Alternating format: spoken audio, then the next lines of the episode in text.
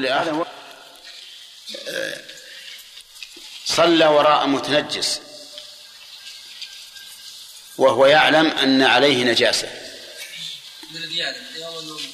المأموم يعلم أن على الإمام نجاسة.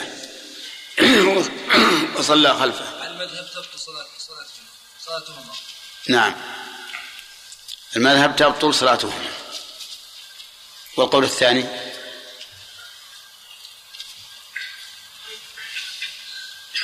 الثاني إذا انتهت الصلاة؟ لا. طبعا انتهى سلم وانتهى لكن الإمام جاهل ما علم بالنجاسة إلا بعد أن صلى وأخبره المأموم. والمأموم القول الثاني الصلاة صحيحة لأن الإمام معذور بجهله. والمأموم يعتقد أن الإمام في هذه الحال صلاته صحيحة لأنه يعني معذور بالجهل. فقد ائتم بشخص صلاته صحيحة واضح هذه؟ طيب. ما تقول في في المذهب في هذه المسألة؟ إي نعم. المسألة إذا صلى الإمام وعليه نجاسة لا يعلم بها وعلم بها المأموم. وعلم بها المأموم؟ نعم. شيخ لابد ما ما نبه. ما نبه صلاة الإمام صحيحة وصلاة المأموم باطلة. على المذهب أريد. على المذهب صلاتهما كليهما باطلة. أي نعم. صح. القول الثاني أن كما قال الأخ صلاتهما صحيحة لأن الإمام جاهل والمأموم اقتدى بإمام صلاته صحيحة عند عند المأموم. طيب. يرى حجاج. رجل منفرد. صلى وعلى ثوبه نجاسة لم يعلم بها إلا حين فرغ من الصلاة.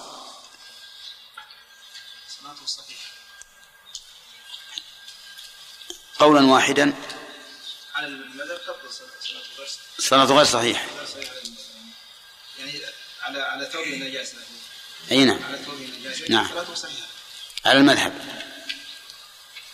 صلاته غير صحيحة اصبر ها؟ صلاته غير صحيحة نعم. القول الثاني صحيح حديث جبريل طيب. القول الثاني المذهب صلاته غير صحيحة لأنه صلى مصطحبا للنجاسة ومن شروط الصلاة أن لا يكون مصطحبا للنجاسة. والقول الثاني أنه أن صلاته صحيحة. الدليل أنه صلى عليه الصلاة والسلام صلى بحذائه وصلى الصحابة أيضا بحذائه. والنبي صلى الله عليه وسلم في الصلاة خلع عليه خلع الصحابة نعاله وبعد ما انتهى من الصلاة سألهم لماذا خلعني عالم قالوا رأيناك خلعتها فخلعناها فقال أتاني جبريل فأخبرني أن بهما نجاسة قدرا. وجه الدلالة من الحديث؟ أنه كانت بها نجاسة ولم يعلم بها. فحين علم خلعها وش وجه الدلالة من الحديث؟ على أن من صلى بنجاسة جاهلا بها فصلاته صحيحة. أنه لو صلاته لعاد الرسول عليه الصلاة والسلام. من جديد. لأعادها من جديد. طيب أحسنت. تمام. بسم الله الرحمن الرحيم. درس جديد الآن. قال المؤلف, قال المؤلف رحمه الله ولا تصح إمامة الأمي. لا تصح إمامة الأمي يعني إلا بمثله كما سيأتي في آخر. الأمي نسبة إلى الأم. انتهينا منها. إن جهل هو أمام حتى انقضت صحة الإمام واحدة تكلمنا عليها. أولى. أيها. المأموم يعلم النجاسة وصلاته صحيحة نعم. علم النجاسة وتيقنها. إيه لكن الإمام في هذه الحال صلاته صحيحة. لأنه جاهل بها. مثل كمن كمن أكل لحم إبل جاهلا به والمأموم يعلم. فصلاته فهنا صلاته صحيحة. إذا كان الإمام يرى أنه لا ينقض الوضوء. طيب. نعم. بقي الحالة الثالثة ما ذكرت ما هي؟ انت قلت الحالة الثالثة وش الحالة الثالثة؟ نعم. وجاء وقت السؤال ما هي ما هم الحالان اللي ذكرنا؟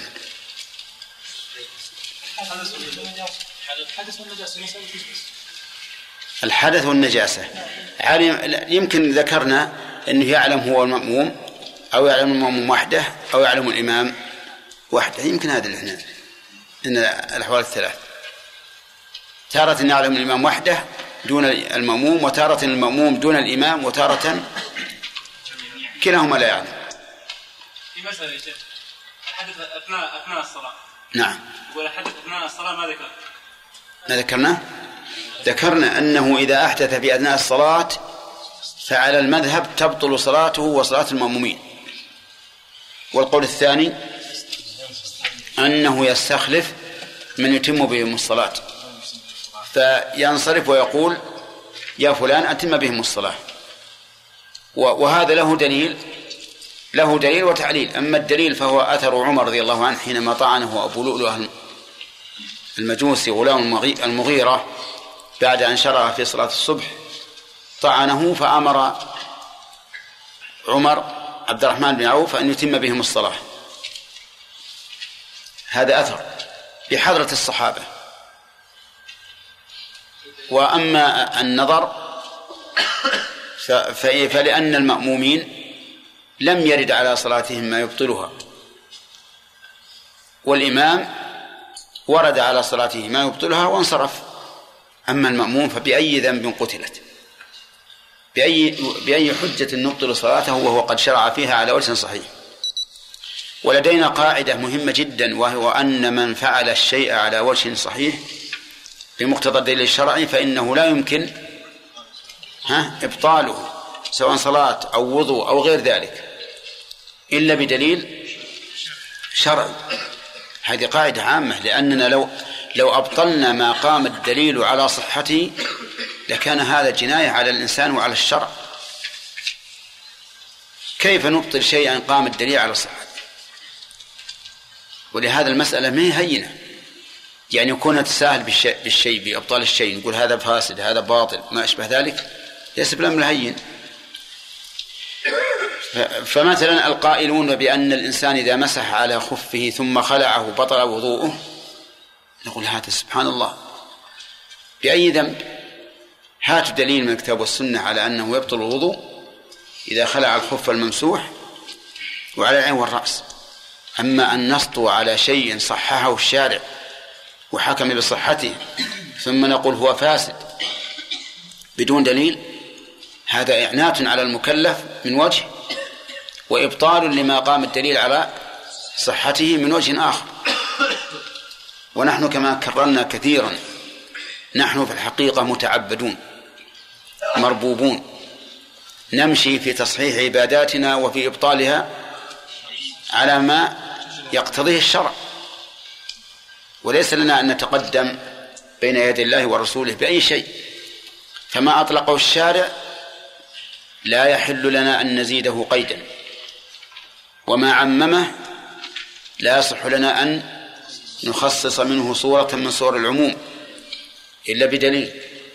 وما صححه لا يمكن أن نفسده إلا بدليل وهل جرا فمثلا نقول إن المأموم الإمام إذا أحدث بطل الصلاة ولا شك بمقتضى الدليل الشرعي لكن المأموم لم يرد على صلاته ما يبطلها وهو حينئذ إما أن ينفرد لأجل العذر وإما أن تتمم الصلاة بجماعة وينتهي المشكلة يقول المؤلف لا تصح إمامة الأمي. الأمي نسبة إلى الأم. وتعرفون أن أن الإنسان إذا خرج من أمه فهو لا يعلم شيئا. كما قال الله تعالى والله أخرجكم من بطون أمهاتكم لا تعلمون شيئا. فالأمي لا يعرف يقرأ ولا يكتب لا يعرف شيئا. إذن الأمي نسبة إلى الأم. فمن هو الأمي؟ الأمي لغة من لا يقرأ ولا يكتب. هذا الأمي. من لا يقرأ ولا يكتب. لقوله تعالى هو الذي بعث في الأميين رسولا منهم في الأميين.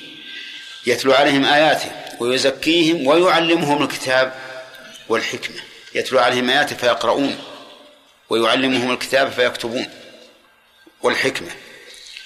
وقال الله تعالى فآمنوا بالله ورسوله النبي الأمي. وقال في تفسير ذلك وما كنت تتلو من قبله من كتاب ولا تخطه بيمينك. فالأمي في اللغة من؟ من لا يحسن القراءة ولا الكتابة.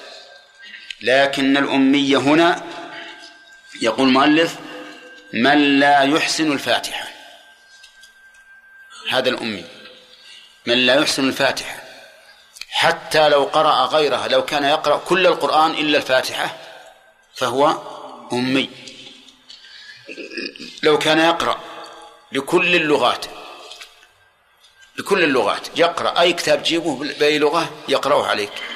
لكن لا يحسن الفاتحة فهو أمي في الاصطلاح. فالأمي هنا في الاصطلاح من لا يحسن الفاتحة يعني ما يقرأها لا حفظا ولا تلاوة. هذا واحد. أو الفاتحة ما هي الفاتحة؟ الفاتحة هي سورة الحمد لله رب العالمين. سميت فاتحة لأنه افتتح بها القرآن الكريم. ولها أسامي متعددة. يقول أو يدغم فيها ما لا يدغم. يدغم فيها أي في الفاتحة ما لا يدغم. والإدغام معروف عند العلماء كبير وصغير. فإذا أدغمت حرفا بمثله فهذا إدغام صغير. إذا أدغمت حرفا بما يقاربه فهو كبير. إذا أدغمت حرفا بما لا يقاربه ولا يماثله فهو غلط. فإذا أدغم فيها ما لا يدغم فإنه لا أمي. فإنه أمي. مثل الحمد لله رب العالمين أدغم الها بالراء. أدغم الهاء بالراء. هذا إدغام غير صحيح. لأن لها بعيدة من الراء. كيف يدغم؟ يقول مثلا الحمد لله رب العالمين. ما ما تبين لها. كأنما طمرها. نقول هذا لا تص... هذا أمي. حتى وإن كان لا يستطيع إلا هذا. فهو أمي. وجه ذلك أنه إذا أدغم فيها ما لا يدغم فقد أسقط ذلك الحرف المدغم. أسقطه في المثال الذي ذكرت وش أسقط؟ الهاء طيب. أم أما الإدغام إدغام المتقاربين فمثل إدغام الدال بالجيم. مثل قد جاءكم. قد جاءكم. هذه فيها قراءة. والقراءة المشهورة هي التحقيق. قد جاءكم. طيب. لكن لو كان يقول قد جاءكم لا يعتبر أميا. لكن ليس في في الفاتحة مثل هذا هذا النوع. طيب. يعني ما فيها قد جاءكم الفاتحة. يقول أو يدغم فيها ما لا يدغم أو يبدل حرفا. يعني يبدل حرفا بحرف. وهو الألثغ. الألثغ. مثل أن يبدل الراء باللام. يعني يجعل الراء لاما.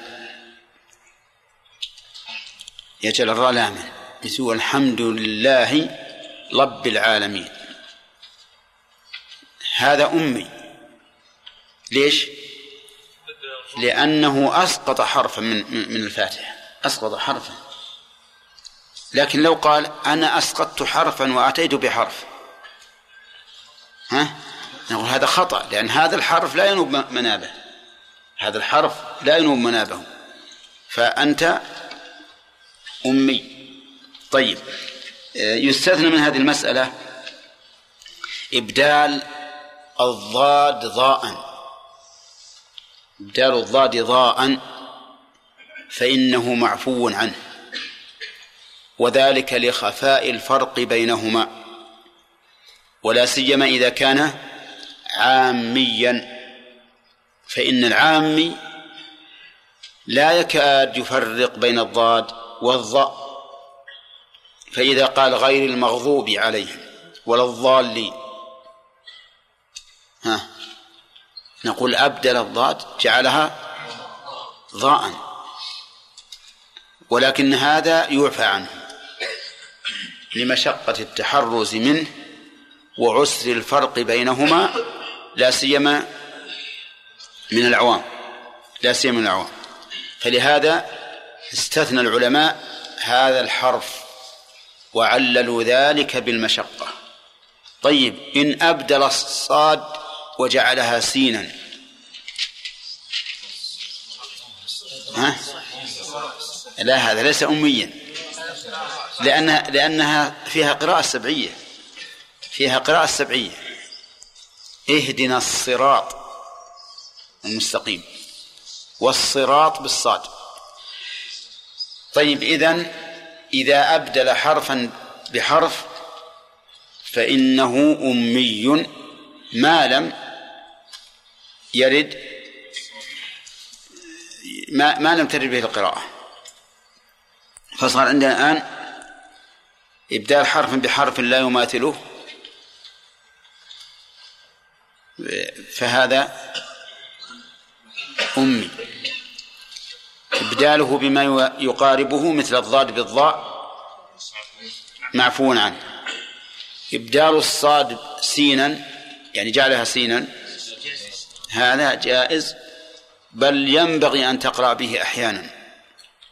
ينبغي أن تقرأ به أحيانا لأنه قراءة سبعية. وكما مر علينا سابقا أن القراءة السبعية ينبغي للإنسان أن يقرأ بها أحيانا لكن بشرط أن لا يكون أمام العامة. لأنك لو قرأت أمام العامة بما لا يعرفوه لأنكروا ذلك ولهبطت ثقتهم بالقرآن. وهذا أمر خطير. فالعامة لا تقرأ عندهم إلا بما في مصاحفهم لئلا توجب عليهم التشويش. قال أو يلحن فيها لحنا يحيل المعنى. هذا أيضا من من الأميين. يلحن فيها أي في الفاتحة. لحنا يحيل المعنى. واللحن تغيير الحركات. هذا اللحن تغيير الحركات سواء كان تغييرا صرفيا أم نحويا. فإن كان يغير المعنى فإن ذلك أمي المغير. وإن كان لا يحيله فليس بأمي. فإذا قال الحمد لله رب العالمين. فاللحن هذا ها؟ لا يحيل المعنى. وعلى هذا فليس بأمي. فيجوز أن يكون إماما بمن هو قارئ. وإذا قال أهدنا الصراط المستقيم فهذا يحيل المعنى. لأنك إذا قلت أهدنا صار من الإهداء. يعني إعطاء الهدية. وإذا قلت اهدنا يعني دلنا ووفقنا. فهذا بينهما فرق. ولو قال إياك نعبد. ها؟ هذا إحالة. إحالة شديدة. فهذا أمي. ولو قال صراط الذين أنعمت عليهم. يحيل أيضا. طيب. ولو قال إياك نعبد. هذا لا يحيل المعنى إياك نستعين. ها؟ لا يحيل؟ طيب. المهم إذا كان يحيل المعنى فهو أمي.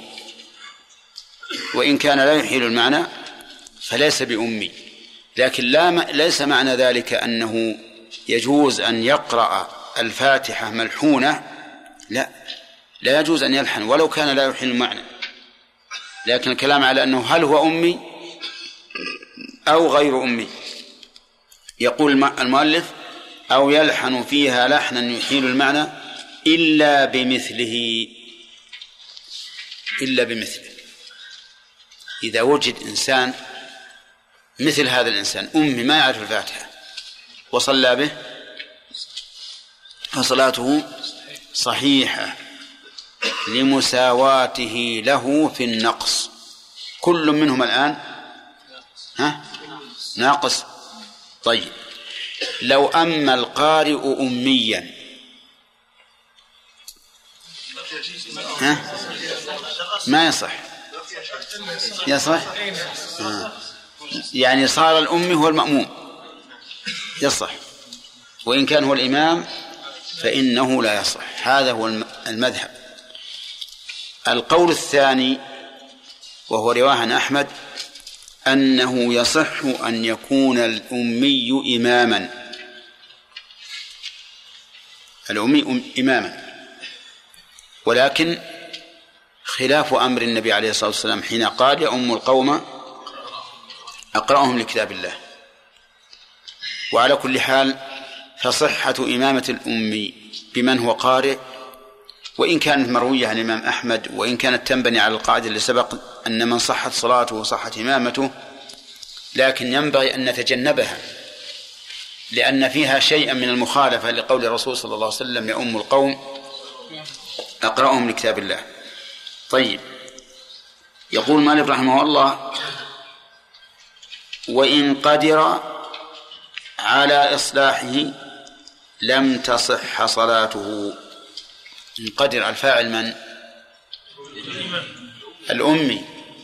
إن قدر على إصلاحها أي إصلاح اللحن الذي يحيل المعنى ولم يصلحه فإن صلاته لا تصح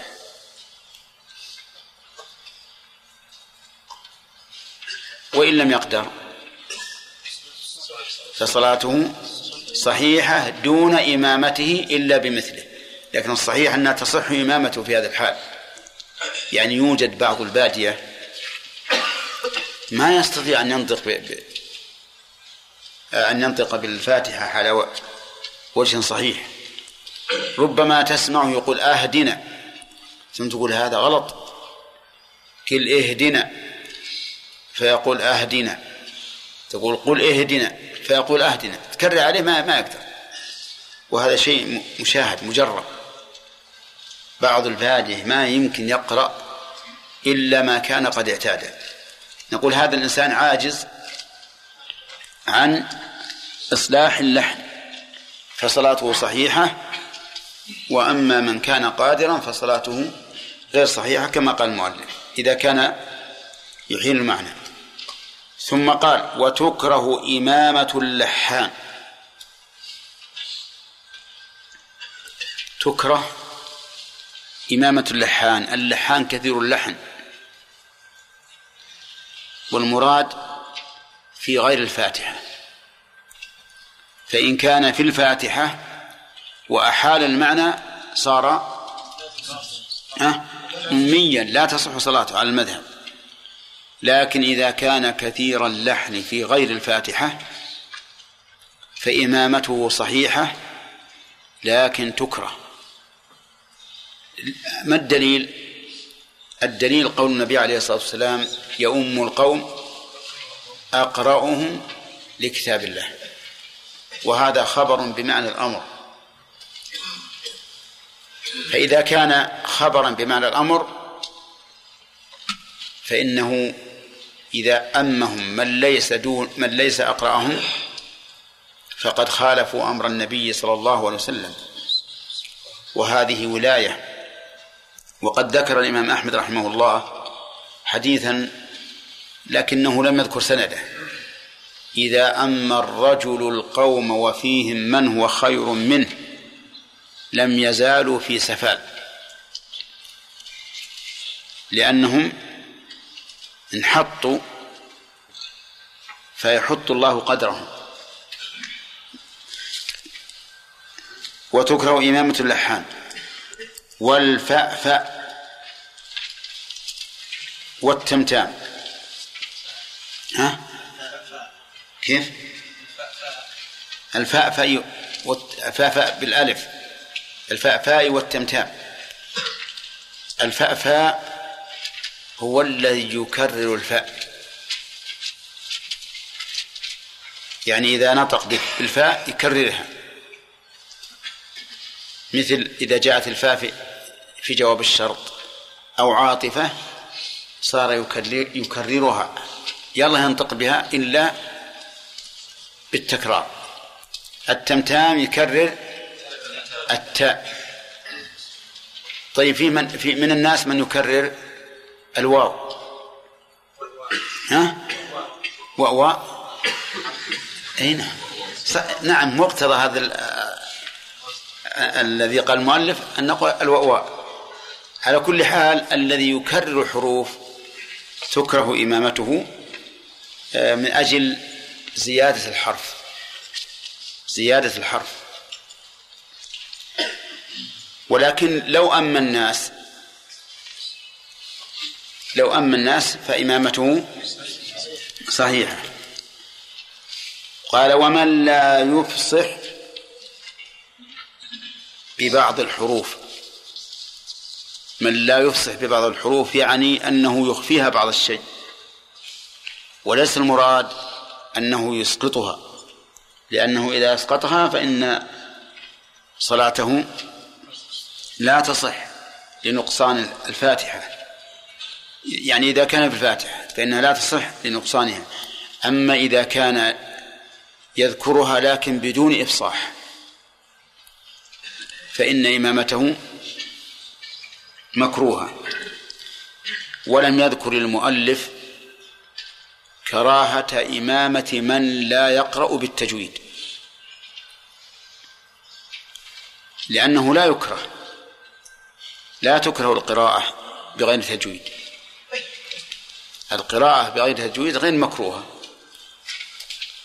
التجويد من باب تحسين الصوت بالقرآن. وليس بواجب. إن قرأ به الإنسان لتحسين صوته فهذا طيب. وإن لم يقرأ به فلا حرج عليه ولم يفته شيء مما يأثم بتركه. بل إن شيخ الإسلام رحمه الله ذم أولئك القوم الذين يعتنون باللفظ وربما يكررون الكلمة مرتين أو ثلاثا من أجل أن ينطقوا بها على قواعد التجويد ويغفلون عن المعنى وعن تدبر القرآن.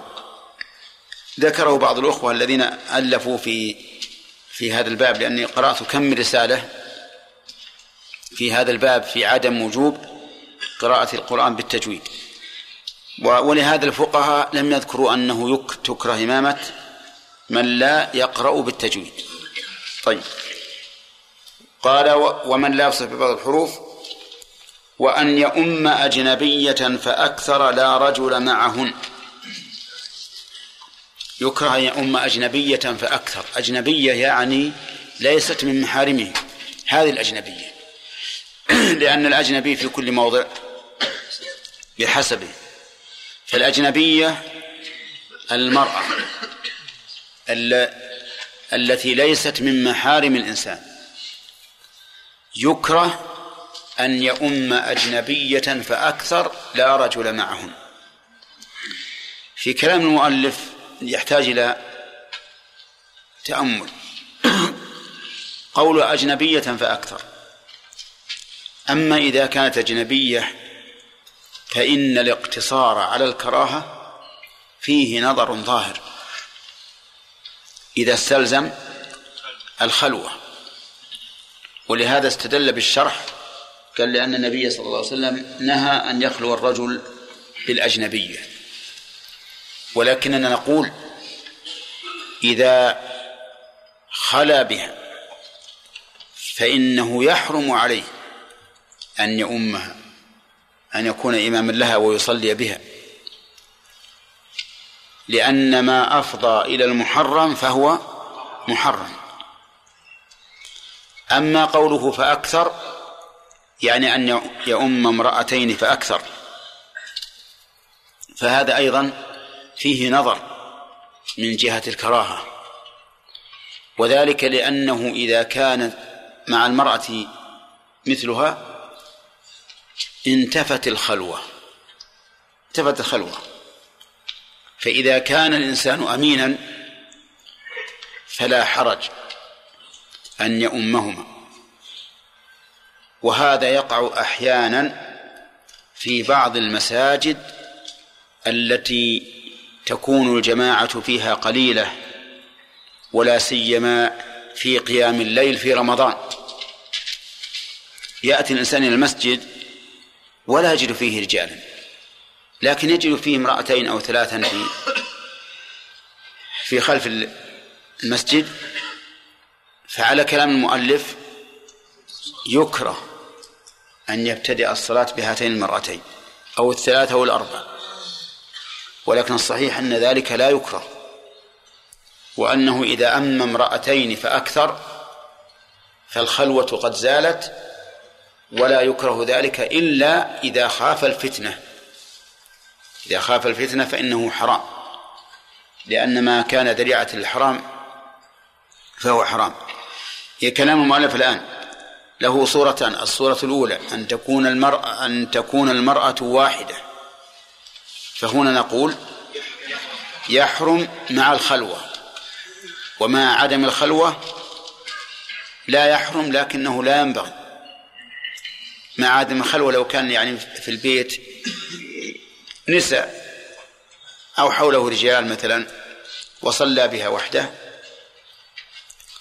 فهنا ليس هناك خلوة لكن مع ذلك يخشى من الفتنة. يخشى من الفتنة لأنه يكون الجماعة توجب الإلفة والمحبة والعلاقة. إذا كان امرأتان فأكثر قلنا لا يحرم لكن و لكن إن خاف فتنة فإنه يحرم من هذه الناحية. أما من حيث الإمامة فلا فليس في ذلك شيء. هذا هو هذا الصحيح. يعني يجب التفصيل في هذا. الصلاة صحيح نعم. قال وأن يؤم قوما أكرههم أكثرهم يكرهه بحق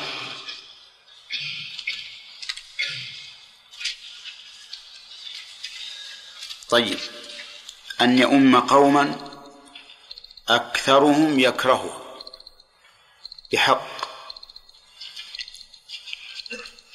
وجه ذلك استدل المؤلف رحمه الله بدليل لكن فيه نظر.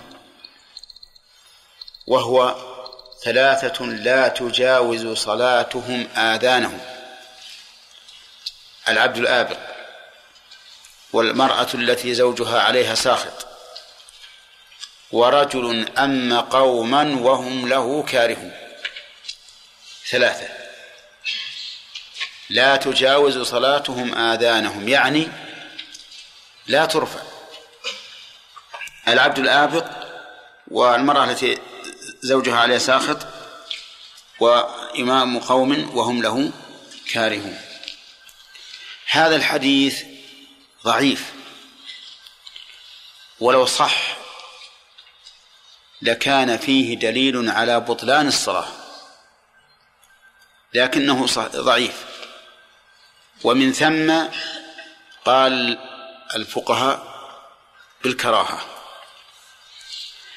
وقد ذكر ابن مفلح رحمه الله في النكت على المحرر بأن الحديث إذا كان ضعيفا وكان نهيا فإنه يحمل على الكراهة. لكن بشرط أن لا يكون الضعف شديدا وإذا كان أمرا فإنه يحمل على الاستحباب. والحديث هذا ضعيف ولذلك قالوا إنه يكره. لكن ما وجهه؟ يقولون إن العبد الآبق قد غصب وقته. قد غصب وقته لأن المفروض أن يكون وقته لمن؟ لسيده وهو قد أبق منه. كذا يا ماذا قلنا في التعليل؟ أي نعم. العبد الآبق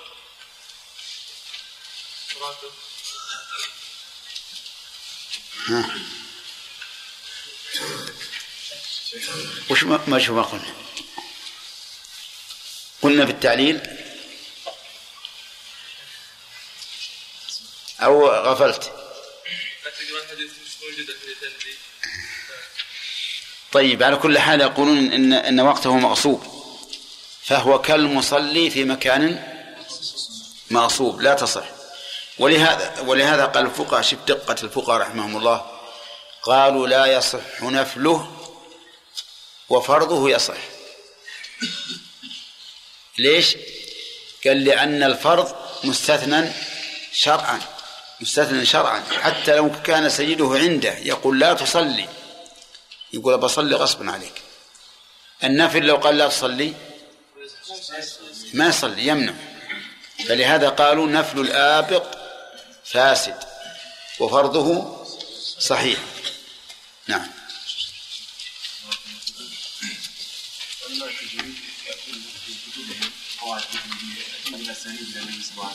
نعم.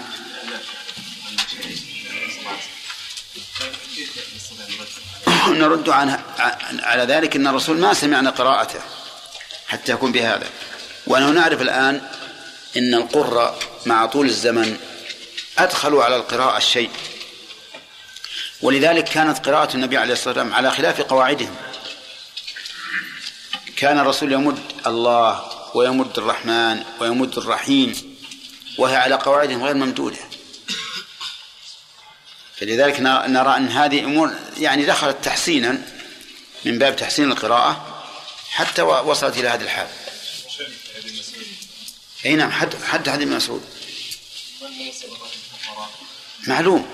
لأنه لو لم يمدها لأنه قال للفقراء بس معناها أسقط همزة. أسقط همزة. نعم. قراءة النبي صلى الله عليه وسلم نقلت إلينا عن هؤلاء إي نعم. لكن ما ما نستطيع أن نجزم بأنها نقلت على هذا الوجه الموجود الآن. ما نستطيع. أما مسألة مد الفقراء معلوم لأنك لو قلت للفقراء إنما الصدقات للفقراء أسقطت حرفا واضح. لا بد من المد نعم. الذين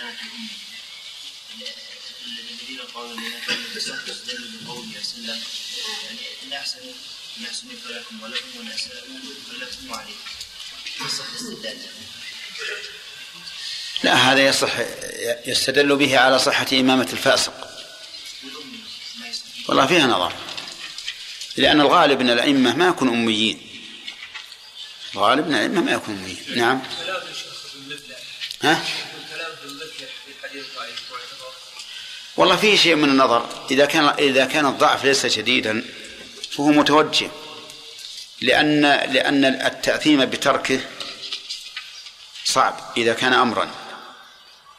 التأثيم بتركه إذا كان أمرا صعب. وبفعله إذا كان نهيا صعب.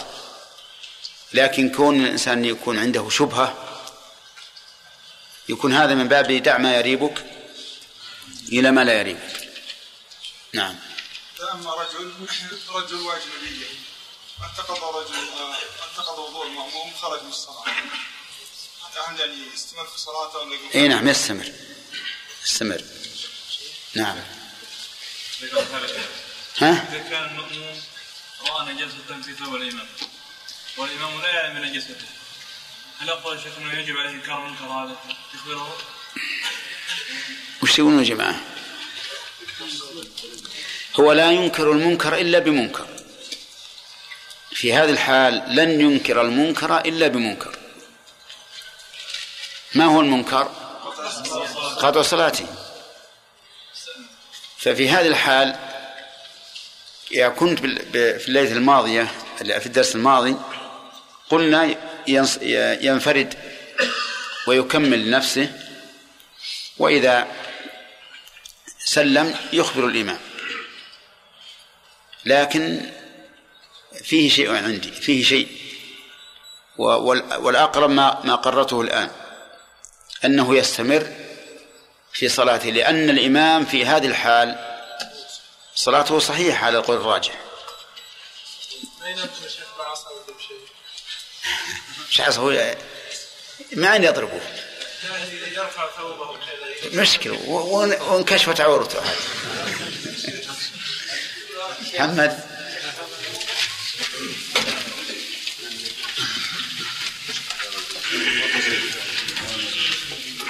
الله الرحمن الرحيم. قال المؤلف رحمه الله تعالى وتصح وتصح إمامة ولد الزنا والجندي إذا سلم دينهما. والجندي. والجندي إذا سلم دينهما ومن يؤدي الصلاة بمن يقضيها وعكسه لا مفترض بمتنفل. لا مفترض. لا مفترض بمتنفل. الكسر. لا مفترض بمتنفل. ولا من يصلي الظهر بمن يصلي العصر أو غيرهما. فصل يصف في حرج. بسم الله الرحمن الرحيم. الحمد لله رب العالمين والصلاة والسلام على نبينا محمد وعلى آله وأصحابه أجمعين. سبق لنا أن إمامة الأمي لا تصح. ماذا تقول؟ من هو الأمي؟ الأمي هو الذي لا يقرأ لا هذا الأمي لغة لكن الأمي في اصطلاح الفقهاء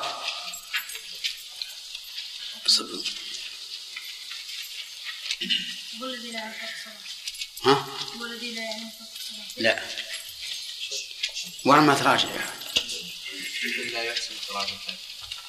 من لا يحسن الفاتحة طيب. هل عدم صحة إمامته مطلقا أو استثنى من ذلك شيء؟ مطلقا. ما الذي يستثنى؟ إذا علمت أنه يستثنى بسبب أن الجماعة رفعوا أيديهم. ما يصح. نعم. استثنى المؤلف اللحان آه، بمثله فإنها اللحان بمثله اللحان نتكلم عن الأمي. إيه، إيه، نعم. تصح إمامة الأمي بمثله. إمامة الأمي إذا كان المأموم أمي تصح إمامته بمثله. إيه. يعني واحد ما يقرأ يصح أن يكون إماما بأن من لا يقرأ. طيب. وهل تصح بمن يحسن القراءة؟ ها؟ لا لجنبك. على كلام المؤلف لا تصح. لأنها لا تصح إلا بمثله. هل هناك قول آخر؟ قول إنها تصح. نعم. لأنه عاجز والعاجز عن الشيء كفاعله. طيب الأخ يقول المؤلف إن هذا لجنبك إنه تكره إمامة اللحان. من هو اللحان؟ يعني الملحن على العود ولا إيش؟ ها؟ من هو اللحان؟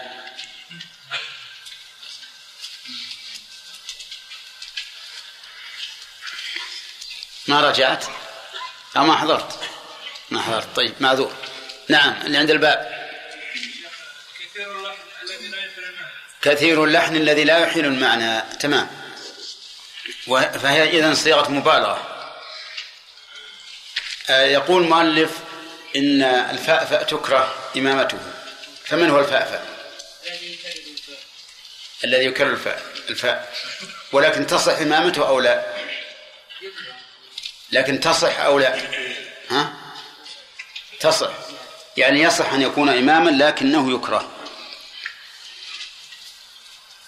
أحمد من هو التمتام؟ إي نعم. إي نعم.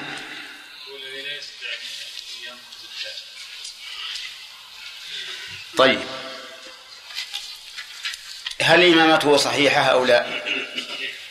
ولكنها مكروهة. طيب. رجل يبدل حرفا بحرف. هل تصح الإمامة أو لا؟ إي نعم. نعم يبدل حرفا بحرف طبعا على رأي المؤلف لا تصح لا تصح. ولا يستثنى شيء. آه، أي نعم. إلا بمثله ما خاف إلا بمثله. لكن إذا كان إذا كان يعني قادر على إصلاح الخلل أو الحرف هذا. لا أنا قصدي ما يستثنى بعض الحروف مو بعض لأن هناك حرفان إما الشقة إما الضاد. يعني ينطق بدل الضاد ينطق ينطقها ضاء إذا أبدل الضاد بالضاء. وكذلك آه، السين بالصاد. طيب. الضاد بالضاء مثل إذا قال غير المغضوب عليهم المغضوب ولا الضالين. فإن ذلك يصح. كذا لعسر الفرق بينهما ولا سيما على العامة. يقول المؤلف إنه يكره أن يؤم أجنبية فأكثر لا رجل معهن. نعم. على قول المؤلف يعني تصح الصلاة ولكن نعم. أما القول الصحيح إذا كان يعني منفردين فلا تصح لأن الإنسان لا. إذا كان منفردين رجل وامرأة لا يجوز. فهو حرام. نعم. طيب حرام أن ينفرد بها. نعم. آه. وإن كان مع معه نساء فلا, وجه الكرام إذا كانت إذا كان معه نساء أكثر من فلا وجه الكراهة بشرط أن يكون الإمام أمينا. طيب. إذا مع الواحد أن نقول حرام. ومع الثنتين فأكثر. جائز إذا كان أمينا. هذا القول هو الراجح. وعلى هذا فإطلاق المؤلف الكراهة فيه نظر. طيب رجل يا خالد صار إماما لقوم وهم يكرهونه. على قول المؤلف أن لا تصح. لا تصح. على قول المؤلف سوف يحاسبك المؤلف على هذه الكذبة عليه. انتبه المؤلف ميت في قبره. يقيم عليك بينة يوم القيامة. ما أدري. خاف بعد هذه تصير مثل الأولى. خاف تصير هذه كذيبه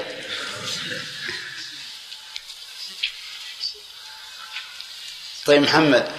على قول إنه يكره نعم. استدل بحديث الثلاثه لا يتجاوز صلاة ما دانهم وذكر منها الإمام الذي يكره قوما الذي يوم قوما وهم له كارهون.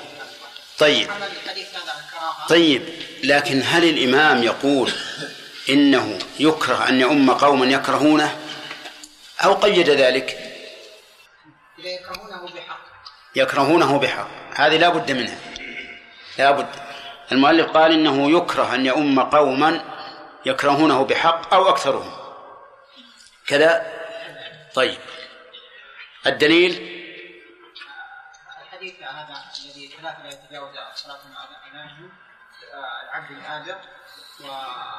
المرأة إذا باتت زوجها عليها ساخط ورجل أم قوما وهم له كارهون.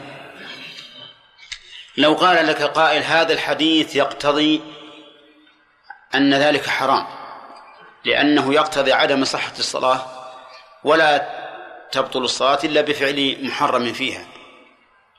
نقول نعم أن ظاهر الحديث يدل على ذلك. ولكن العلماء لما كان هذا الحديث فيه ضعف ويعني جعلوا الحديث للكراهة يعني استعمالا لقاعدة ابن مفلح أن الحديث إذا كان فيه, فيه ضعف ولكن ضعفه ليس قوي فإن كان للتحريم فإنه يحمل الكراهة. لأن إبطال العبادة بدون دليل بين لا يجوز فيحمل على الكراهة احتياطا. كذا إذا معناها ابن مفلح رحمه الله سلك سبيل الاحتياط. قال لاحتمال أن يكون صحيحا نقول يكره ولعدم الثبوت على وجه نقدم به على إبطال الصلاة لا نقول بالتحريم. واضح؟ طيب بالنسبة للعبد الآبق كيف حاله على ما فصلنا ذاك الدرس؟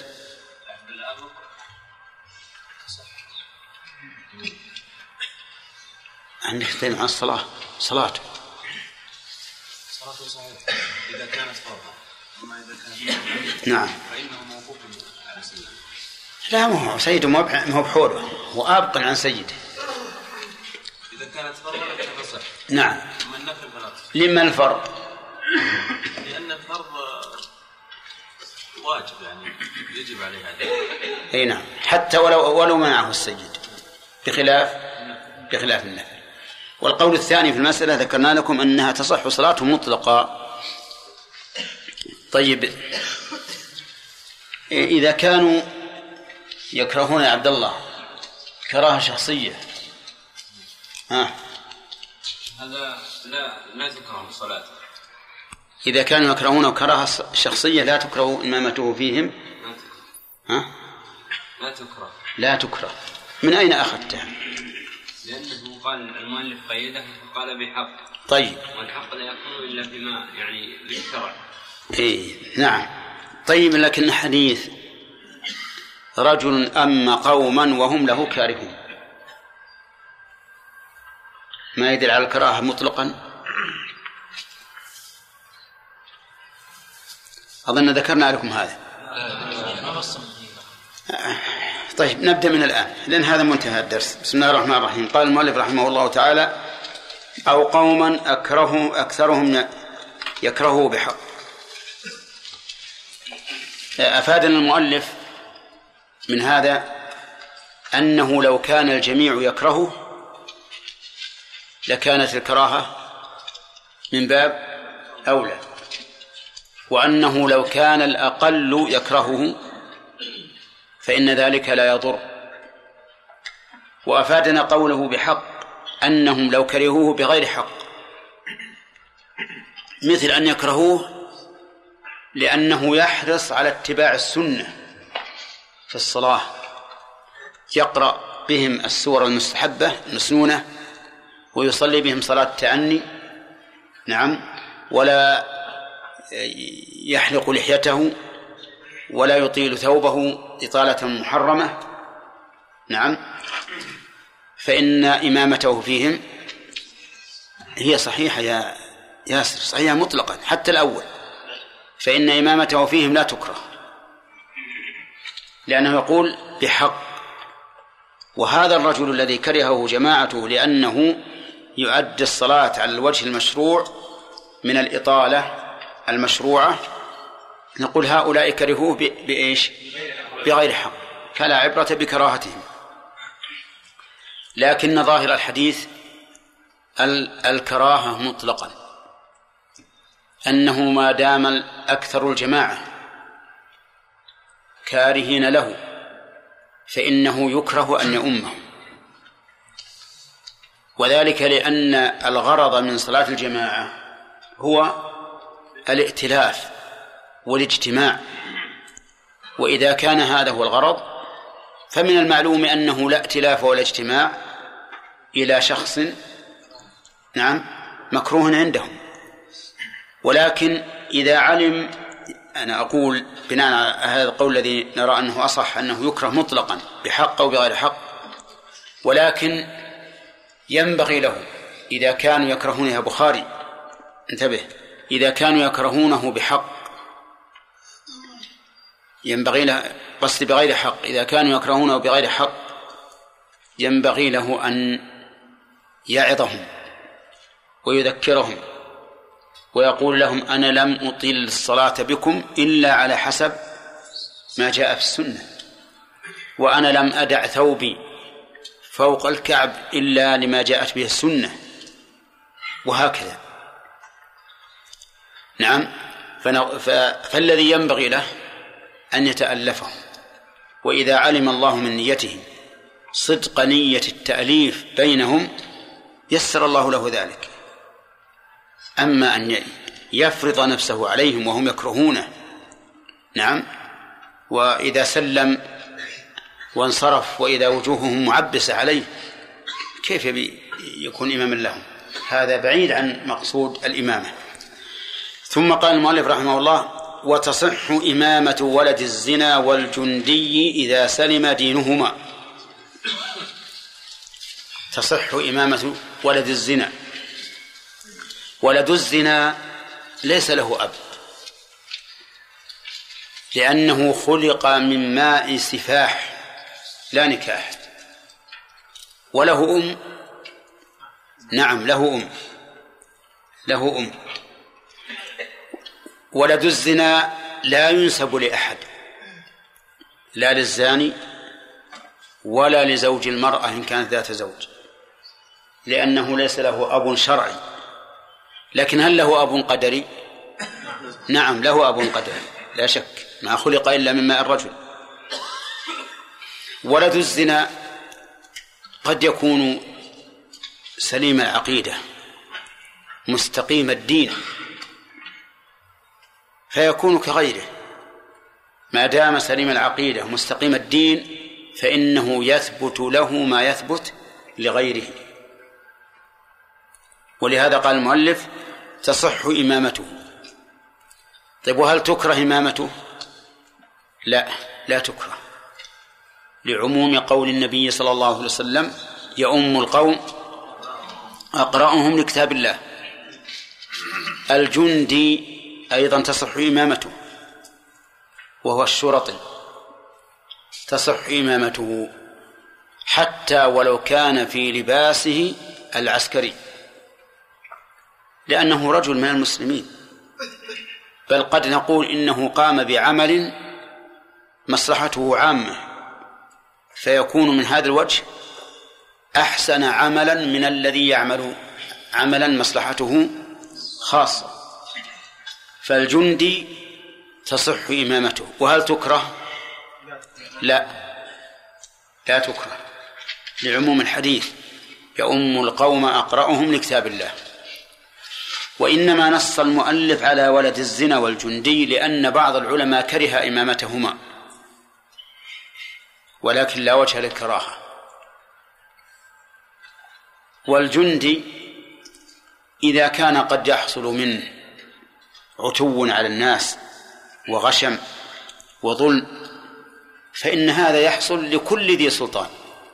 كل ذي سلطان يمكن أن يحصل منه ظلم وغشم وجور.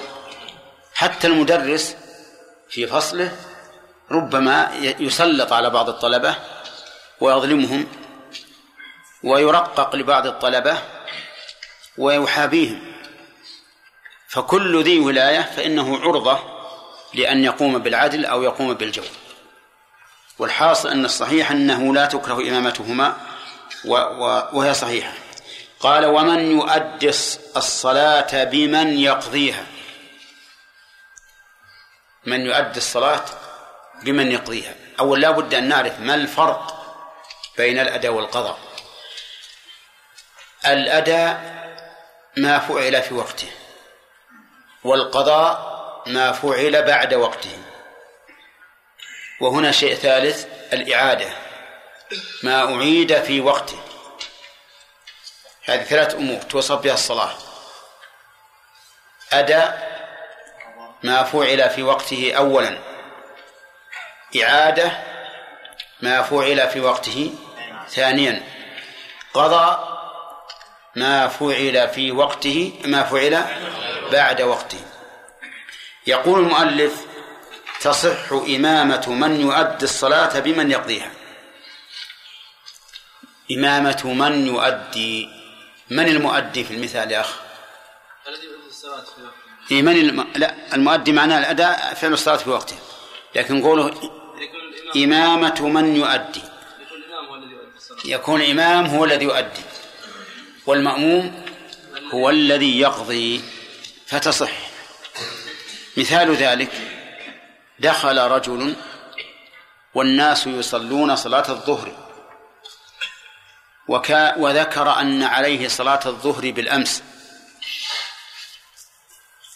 فبأيهما يبدأ؟ بالصلاة الحاضرة أو بالفائتة؟ يبدأ بالفاتة بالفائتة. فدخل معهم وهو ينوي عن ظهر أمس. وهم يصلون ظهر اليوم. نقول هذا صحيح. صحيح.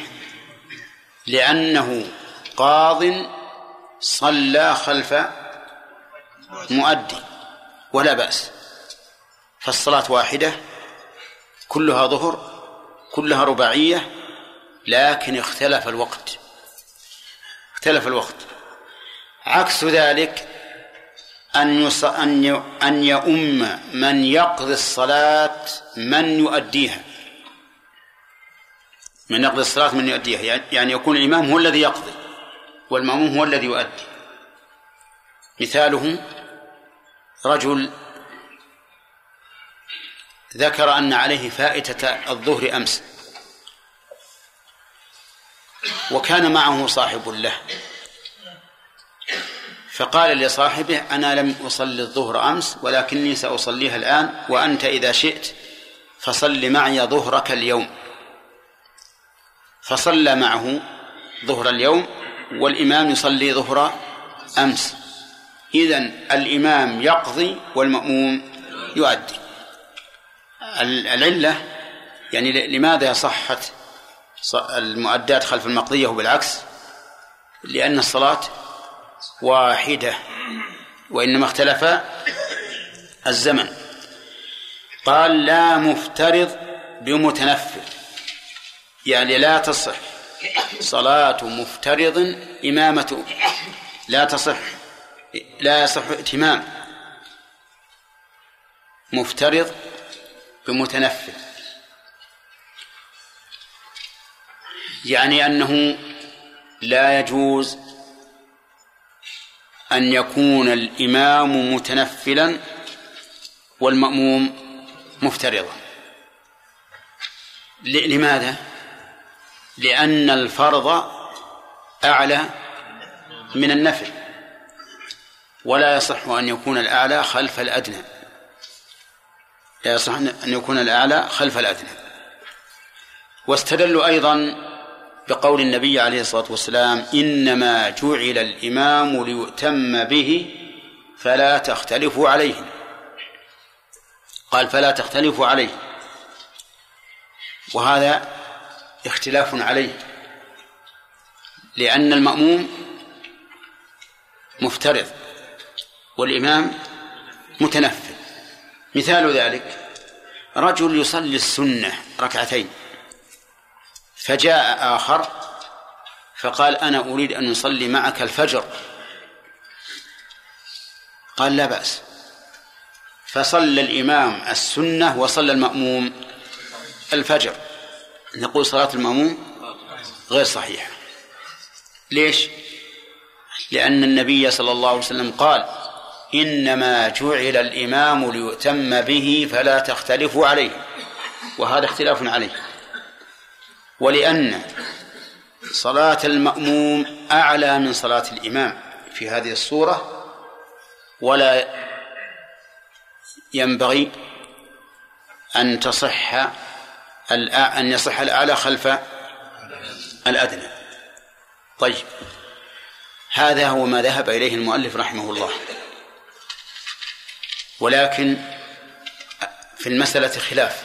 القول الثاني في المسألة أن أن الفريضة تصح خلف النافلة. أن الفريضة تصح خلف النافلة. واستدلوا لذلك بأدلة. أولا عموم قول النبي صلى الله عليه وسلم يؤم القوم أقرأهم لكتاب الله. ولم يشترط النبي صلى الله عليه وسلم سوى ذلك. أن يكون أقرأ. فالعموم يقتضي أن أنه لو كان الإمام متنفلا والمأموم مفترضا فالصلاة صحيحة. ثانيا أن النبي صلى الله عليه وسلم أن معاذ بن جبل كان يصلي مع النبي صلى الله عليه وسلم صلاة العشاء ثم يرجع إلى قومه فيصلي بهم نفس الصلاة. ومعلوم أن الصلاة الأولى هي الفريضة والثانية هي النافلة ولم ينكر عليه لم ينكر عليه. فإن قال قائل نعارض في الاستدلال بهذا الحديث لأن النبي صلى الله عليه وسلم لم يعلم بذلك. فالجواب أن نقول إن كان قد علم فهذا هو المطلوب والظاهر أنه علم لأن معاذ بن جبل شكي إلى الرسول عليه الصلاة والسلام في أنه يطيل ولا يبعد أن يقال للرسول عليه الصلاة والسلام إن هذا الرجل يأتي متأخرا يصلي عندك ثم يأتي بنا ويطيل بنا. هذا ليس ببعيد. ثانيا إذا فرضنا أن النبي صلى الله عليه وسلم لم يعلم فإن الله تعالى قد علم فأقره. ولو كان هذا أمرا لا يرضاه الله لم يقره على فعله. ولهذا استدل الصحابة على جواز العزل الذي كانوا يفعلون في عهد النبي عليه الصلاة والسلام بأنهم كانوا يفعلون ذلك في زمن نزول القرآن. طيب. ثالثا أن النبي صلى الله عليه وسلم كان في بعض أنواع صلاة الخوف يصلي بالطائفة الأولى صلاة تامة ويسلم بهم ثم تأتي الطائفة الثانية فتصلي مع النبي صلى الله عليه وسلم. وهنا تكون الصلاة الأولى للرسول صلى الله عليه وسلم فرضا والثانية نفلا. طيب ثالثا رابعا أن عمرو بن سلمة أو سلمة عمرو بن سلمة الجرمي كان يصلي بقومه وله ست أو سبع سنين. استنادا إلى قول الرسول صلى الله عليه وسلم يؤم القوم أقرأهم لكتاب الله. حيث نظروا في القوم فلم يكن أحد أقرأ منه. فقدموه. ومن المعلوم أن الصبي لا فرض عليه فالصلاة في حقه نافلة. فالصلاة في حقه نافلة. ومع هذا أقر والقرآن ينزل استنادا إلى عموم الحديث يؤم القوم أقرأهم لكتاب الله. وأما الجواب عما استدلوا به من قوله صلى الله عليه وسلم يؤم القوم إنما جعل الإمام ليؤتم به فلا تختلفوا عليه. فالجواب أنهم هم أول من ينقضه. هم أول من ينقض الاستدلال بهذا الحديث. لأنهم يجوزون أن يصلي الإنسان المؤدات خلف المقضية. وهذا اختلاف. أليس كذلك؟ ويجوزون أن يصلي المتنفل خلف المفترض. وهذا أيضا اختلاف. فتبين بهذا أن الحديث لا يراد باختلاف النية ولهذا جاء التعبير النبوي بقوله لا تختلفوا عليه ولم يقل لا تختلفوا عنه. وبين العبارتين فرق. فإذا قيل لا تختلف على فلان صار المراد بالاختلاف المخالفة. المخالفة كما يقال لا تختلفوا على السلطان أي لا تنابذوه وتخالفوه فيما يؤمكم به. و وقد فسر النبي عليه الصلاة والسلام هذه المخالفة أو عدم المخالفة بقوله فإذا كبر فكبروا وإذا ركع فاركعوا إلى آخر الحديث. فصار المراد بقوله لا تختلفوا عليه أي في في الأفعال والمخالفة. ولهذا لم يقل صلى الله عليه وسلم فلا تختلفوا عليه فتنووا غير ما نوى. بل قال فإذا كبر فكبروا إلى آخر الحديث. وأما قولهم إن إن صلاة المأموم إذا كان مفترضا والإمام متنفلا أعلى من صلاة الإمام. فإن الجواب على ذلك أن نقول من أصل هذه القاعدة. من أصل هذه القاعدة. وقد دل حديث عمرو بن سلمة الجرمي على أنه يصح أن يأتم الأعلى بالأدنى. فإن قومه يصلون الصلاة ها فريضة وهو يصليها نفلا. فهذه القاعدة غير مسلمة. ولهذا صححنا فيما سبق أن يصلي القادر على الأركان بالعاجز عن الأركان كما جاءت به السنة في مسألة القيام أنه يصح أن يصلي المأموم القادر على القيام خلف الإمام العاجز عن القيام. وحينئذ يتبين أن القول الراجح أن صلاة المفترض تصح خلف صلاة المتنفل. وقد نص على ذلك الإمام أحمد رحمه الله نفسه نفس الإمام أحمد نص على هذا. فقال إذا دخل الإمام في صلاة التراويح وصلى معه العشاء فلا بأس بذلك. أن يقوله الإمام إمام المذهب. وهذا هو المنصوص عنه.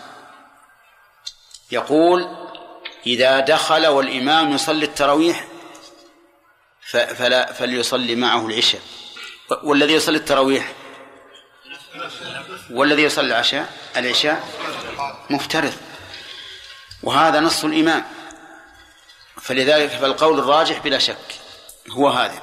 وهو منصوص الإمام أحمد واختيار شيخ الإسلام ابن تيمية وهو الذي تؤيده الأدلة كما سمعتم.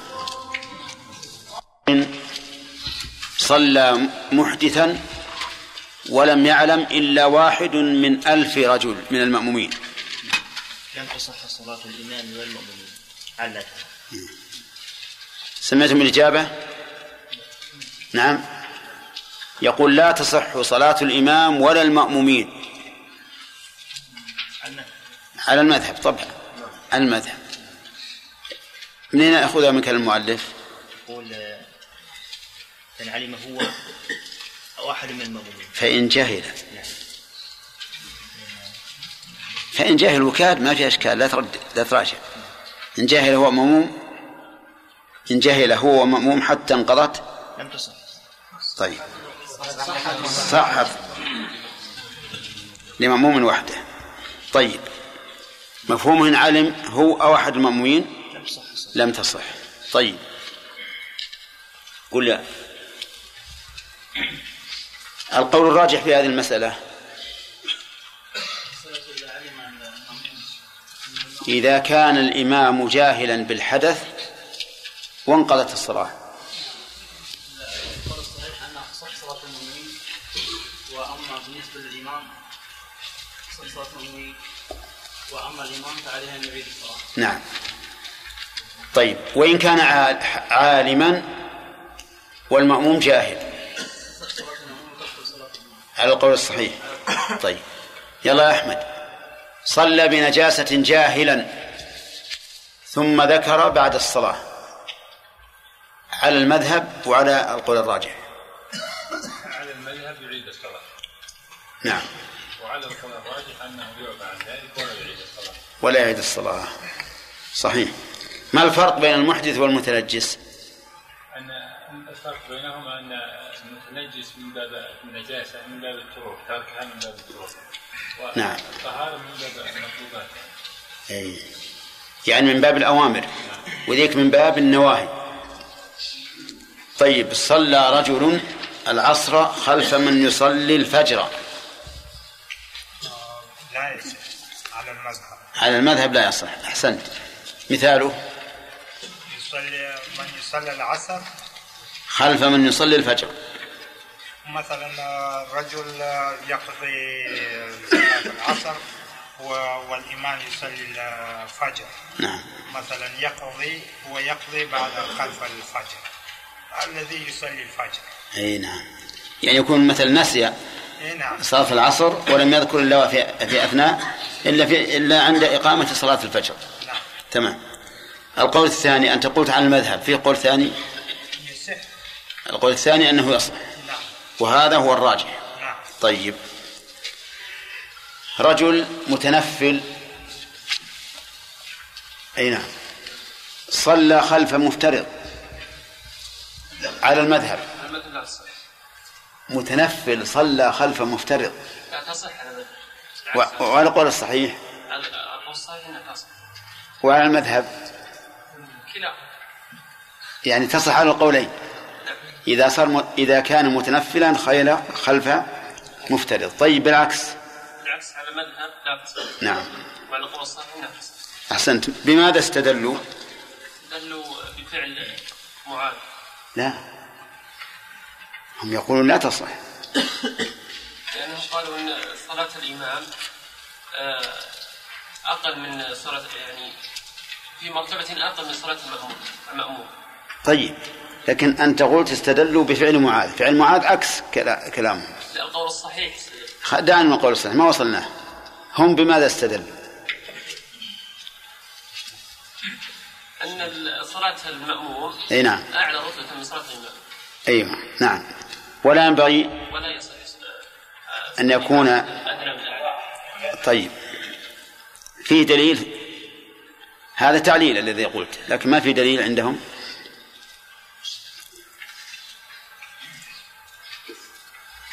هاد قول النبي صلى الله عليه وسلم إنما جعل الإمام ليؤتم به في آخر الحديث فلا تختلفوا في نفس الحديث. يتم به فلا تختلفوا عليه. طيب. من أين أخذوا هذا؟ من أي كلمة من الحديث عامر؟ أي نعم. إنما جعل الإمام به. ف... فلا فلا تختلفوا عليه. وهذا اختلاف. نعم. طيب. يلا بندر. القول الثاني. صحة صلاة المفترض والمتنفل خلف المفترض صحة صلاة المتنفل خلف المفترض. نعم. طيب ما دليله؟ ها. الدليل الأول قول النبي عليه الصلاة والسلام يؤم القوم وأقرأهم بكتاب الله أحسنت والدليل الثاني ما ثبت في الصحيح عن معاذ بن جبل أنه كان يصلي مع النبي عليه الصلاة والسلام صلاة العشاء فيذهب ويصلي في قومه صلاة العشاء نافلة. وهم يصلونها فريضة نعم.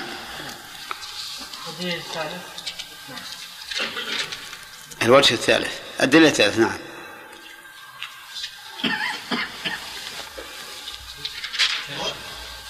نعم. لا. حديث عمرو بن سلمة حيث أنه أما قومه وهو ابن ست أو سبع سنين ونقول حتى لو قالوا أن ربما النبي صلى الله عليه وسلم لم يعلم لا لا لا لا اصبر اصبر. ما هي هذه؟ وجه الدلالة؟ وجه الدلالة ان إيه أنت النقاش معك الآن. هذا الصغير وهو الصبي وأما بالغين فأدنى أما أعلم. والصلاة في حقه نفل. نفل وهكذا طيب هذه ثلاثة. الرابع أحد وجوه صلاة الخوف. نعم. النبي صلى الله عليه وسلم يصلي بها طائفتين فتكون له فريضة ثم تأتي الطائفة الأخرى ويصلي بهم فتكون له نافلة في حقه نافلة وهم في حقه فريضة. تمام. طيب كيف نجيب أو بماذا نجيب عن دليلهم شيبة؟ نعم. الدليل الأول. عن دليل من قال بالمنع واستدل بالحديث. إنما جعل الإمام ليؤتم به فلا تختلفوا عليه. يجيب عليه بأن لو كان فيه منع لأخبر آه، بحديث معاذ الأول أنه في دليل تصح لأن الله سبحانه وتعالى اطلع على هذا. لكن نحن قلنا فيما سبق. نعم. عند الترجيح لا بد من أمرين. الإتيان بأدلتك والجواب عن أدلة الآخر. حين الآن نريد الجواب عن أدلتهم. الجواب عن أدلتهم الأربعة ولا دليل؟ لا لا. نعم. هذا أي نعم. عليهم بما استدلوا به من قوله صلى الله عليه وآله وسلم إنما جعل الإمام أن يؤتم به فلا تختلفوا عليه. آه. أن المقصود الأفعال ليست النية. والدليل؟ والدليل؟ والدليل ما بعده يبين هذا مجمل يبينه ما بعده. وهو. قوله إذا فإذا كبر فكبروا. نعم. ثم قال تختلف عليه ولم يقل عنه. طيب. يلا داود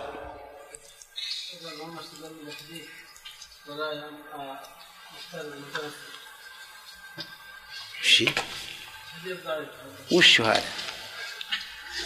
حديث أن دورها دورها دورها نعم.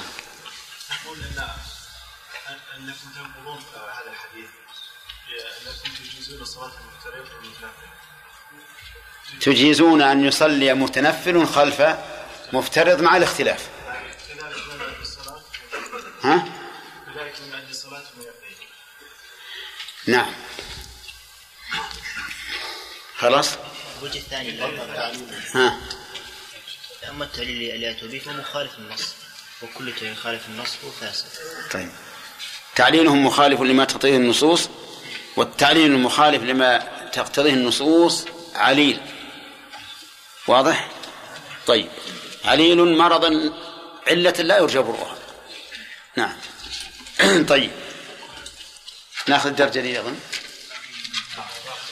ها؟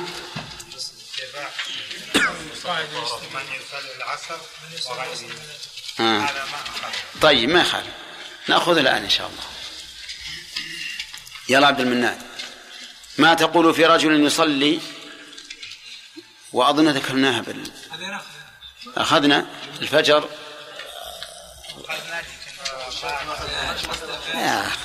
خذ رجال نأخذ درس جديد الآن. اقرأ علينا درس جديد. بسم الله الرحمن الرحيم. والصلاة والسلام على محمد وعلى اللهم صل وسلم. أجمعين. قال المؤلف رحمه الله تعالى ولا من يصلي الظهر بمن يصلي العصر أو غيرها. فصل يقف المأمومون خلف الإمام ويصح معه عن يمينه وعن جانبيه. لا قدامه ولا عن يساره. لا قدامه. لا قدامه ولا عن يساره. فقط ولا الفذ خلف ولا الفذ خلفه أو خلف الصف إلا أن يكون امرأة أو إمامة أو إماء أو إمامة النساء. وإمامة. نعم وإمامة النساء تقف في تقف في صفهم بس. بسم الله الرحمن الرحيم. الحمد لله رب العالمين والصلاة والسلام على نبينا محمد وعلى آله وأصحابه أجمعين. مر علينا أن الصلاة أن أن الصلاة توصف بالأداء والإعادة والقضاء. فالأداء ما فعل في وقته أولا والإعادة ما فعل في وقته ثانيا والقضاء ما فعل بعد وقته. عرفتم هذه؟ طيب. آه، فصل في موقف الإمام والمأمومين هذا الفصل عقده المؤلف لبيان موقف الإمام والمأمومين يعني أين يقف الإمام من المأمومين إيش تقول؟ ها؟ ما ما أخذنا من صلى الظهر؟ طيب قال قال ولا من يصلي الظهر بمن يصلي العصر أو غيرها. عندي أو غيرهما غلط. أو غيرها. يعني ولا يصح ائتمام من يصلي الظهر بمن يصلي العصر. وذلك لاختلاف الصلاتين. وقد قال النبي عليه الصلاة والسلام إنما جعل الإمام ليؤتم به فلا تختلفوا عليه. مثال ذلك رجل قام من النوم مثلا فجاء إلى المسجد فوجد الإمام يصلي العصر وهو لم يصلي الظهر فأراد أن يصلي الظهر خلف هذا الإمام الذي يصلي العصر. يقول المؤلف إن هذا لا يصح لا يصح. لماذا؟ لاختلاف الصلاتين. لأن هذه ظهر وهذه عصر. وقد قال النبي عليه الصلاة والسلام إنما جعل الإمام ليؤتم به فلا تختلفوا عليه. وكذلك العكس. لا يصح إتمام من يصلي العصر بمن يصلي الظهر. مثاله رجل دخل المسجد. وفيه قوم قد جمعوا جمع تأخير فوجدهم يصلون الظهر وهو قد صلى العصر قد صلى الظهر من قبل فدخل معهم بنية بنية العصر وهم يصلون صلاة الظهر. لا تصح أيضا. وذلك لاختلاف الصلاتين. ومثل هذا أيضا من وجد شخصا يصلي يصلي الفجر وهو لم يصلي الظهر فصلى معه بنية الظهر فإن صلاته لا تصح لاختلاف الصلاتين. هذا هو الذي هذا هو المذهب. لا يستثنى من ذلك إلا المسبوق بل لا يستثنى من ذلك إلا المسبوق في صلاة الجمعة إذا أدرك أقل من ركعة.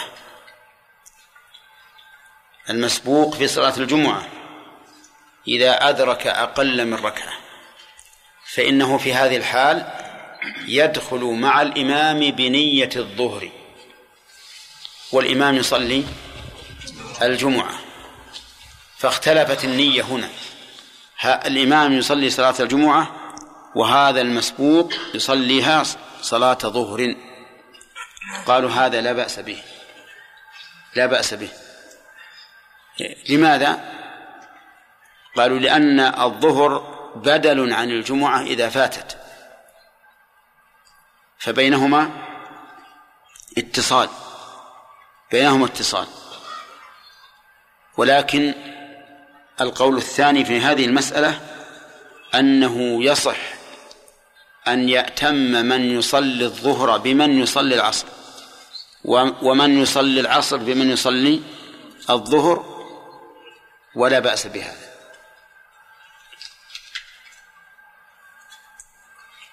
وذلك لعموم ما سبق من الأدلة وأما قولهم إنما وأما استدلالهم بقول النبي صلى الله عليه وسلم إنما جعل الإمام ليؤتم به فلا تتخلف عليه فقد بينا أن المراد بالاختلاف عليه مخالفته في الأفعال. لقوله فإذا كبر فكبروا إلى آخره.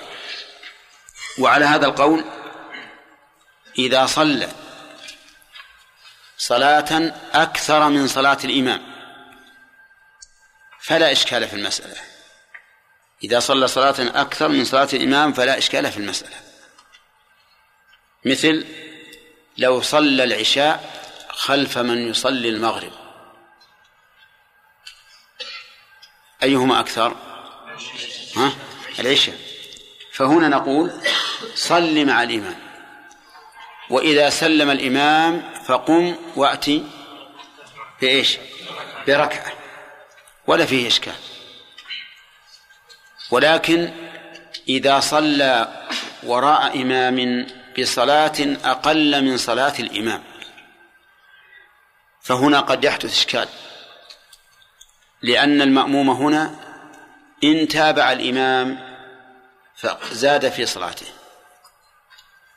وإن خالف الإمام خالف إمامه. مثاله صلى المغرب خلف من يصلي العشاء. فهنا إذا قام الإمام إلى رابعة العشاء فالمأموم بين أمرين.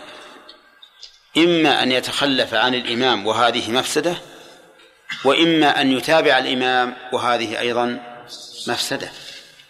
لأنه إن تابع الإمام زاد ركعة وإن تخلف خالف الإمام. وقد قال النبي صلى الله عليه وسلم إنما جعل الإمام ليؤتم به. فهل هذه الصورة تدخل في القول الصحيح الراجح أن اختلاف النية بين الصلاتين لا يضر؟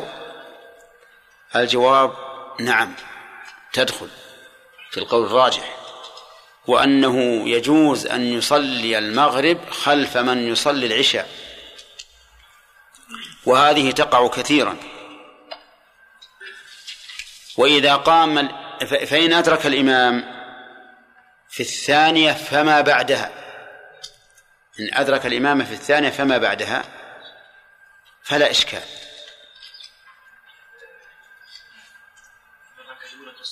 صح؟ ها؟ إن أدرك في الإمام في الثانية فما بعدها فلا إشكال.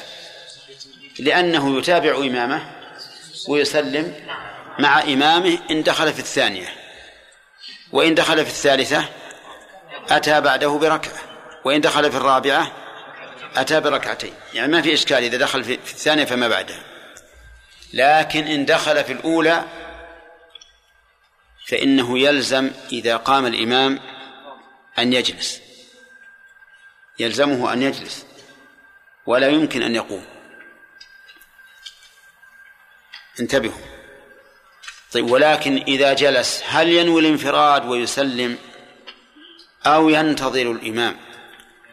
نقول هو مخير لكننا نستحب له أن ينوي الانفراد ويسلم إذا كان يمكنه أن يدرك ما بقي من صلاة العشاء مع الإمام. من أجل أن أن يدرك صلاة الجماعة. وعلى هذا فنقول انو المفارقة. وسلم. ثم ادخل مع الإمام فيما بقي من صلاة العشاء. من أجل أن تدرك صلاة الجماعة. فإن قال قائل لماذا تجيزون له الانفراد؟ والإمام يجب أن يؤتم به. نقول لأجل العذر الشرعي. والانفراد للعذر الشرعي أو الحسي جائز. الانفراد للعذر الشرعي أو الحسي جائز. دليل انفراد العذر الشرعي في صلاة الخوف. الطائفة الأولى تصلي مع الإمام ركعة. فإذا قام إلى الثانية نوت الانفراد وأتمت الركعة الثانية وانصرفت. سلمت وانصرفت. هذا إيش؟ انفراد لعذر شرعي.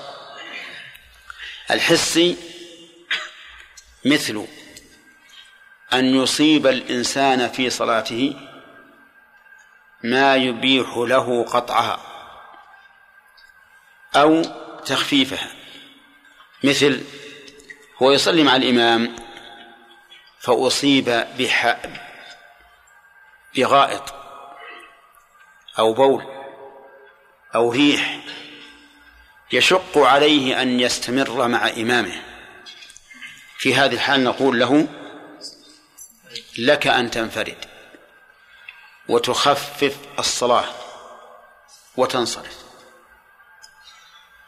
فمن هذا ولا لا؟ إلا إذا كنت لا تستفيد بانفرادك شيئا مثل أن يكون الإمام يخفف الصلاة تخفيفا بقدر الواجب فحينئذ لا تستفيد من الانفراد إذا لا تنفرد. لكن لو فرضنا أن الإمام يطبق السنة في التأني وأنت تقول إن بقيت مع الإمام تعبت ولا صلاة وهو يدافع الأخبثان. نقول لك أن تنفرد وتخفف الصلاة وتسلم وتنصرف هذا عذر إيش؟ هذا عذر حس. إذا صليت المغرب خلف من يصلي العشاء وجلست نويت الانفراد وجلست. هذا عذر شرعي ولا حسي؟ شرعي. لأنه لا يمكن أن تزيد ركعة متعمدا. فلا بد من أن تجلس. فإن قال قائل ما تقولون في رجل مسافر صلى خلف إمام يصلي أربعا؟ هل تبيحون له إذا صلى الركعتين أن ينفرد ويسلم لأن المسافر يقصر الصلاة. نقول لا لا نبيح له ذلك. لا نبيح له ذلك. ما الفرق بين هذه هذه المسألة ومسألة من يصلي المغرب خلف من يصلي العشاء؟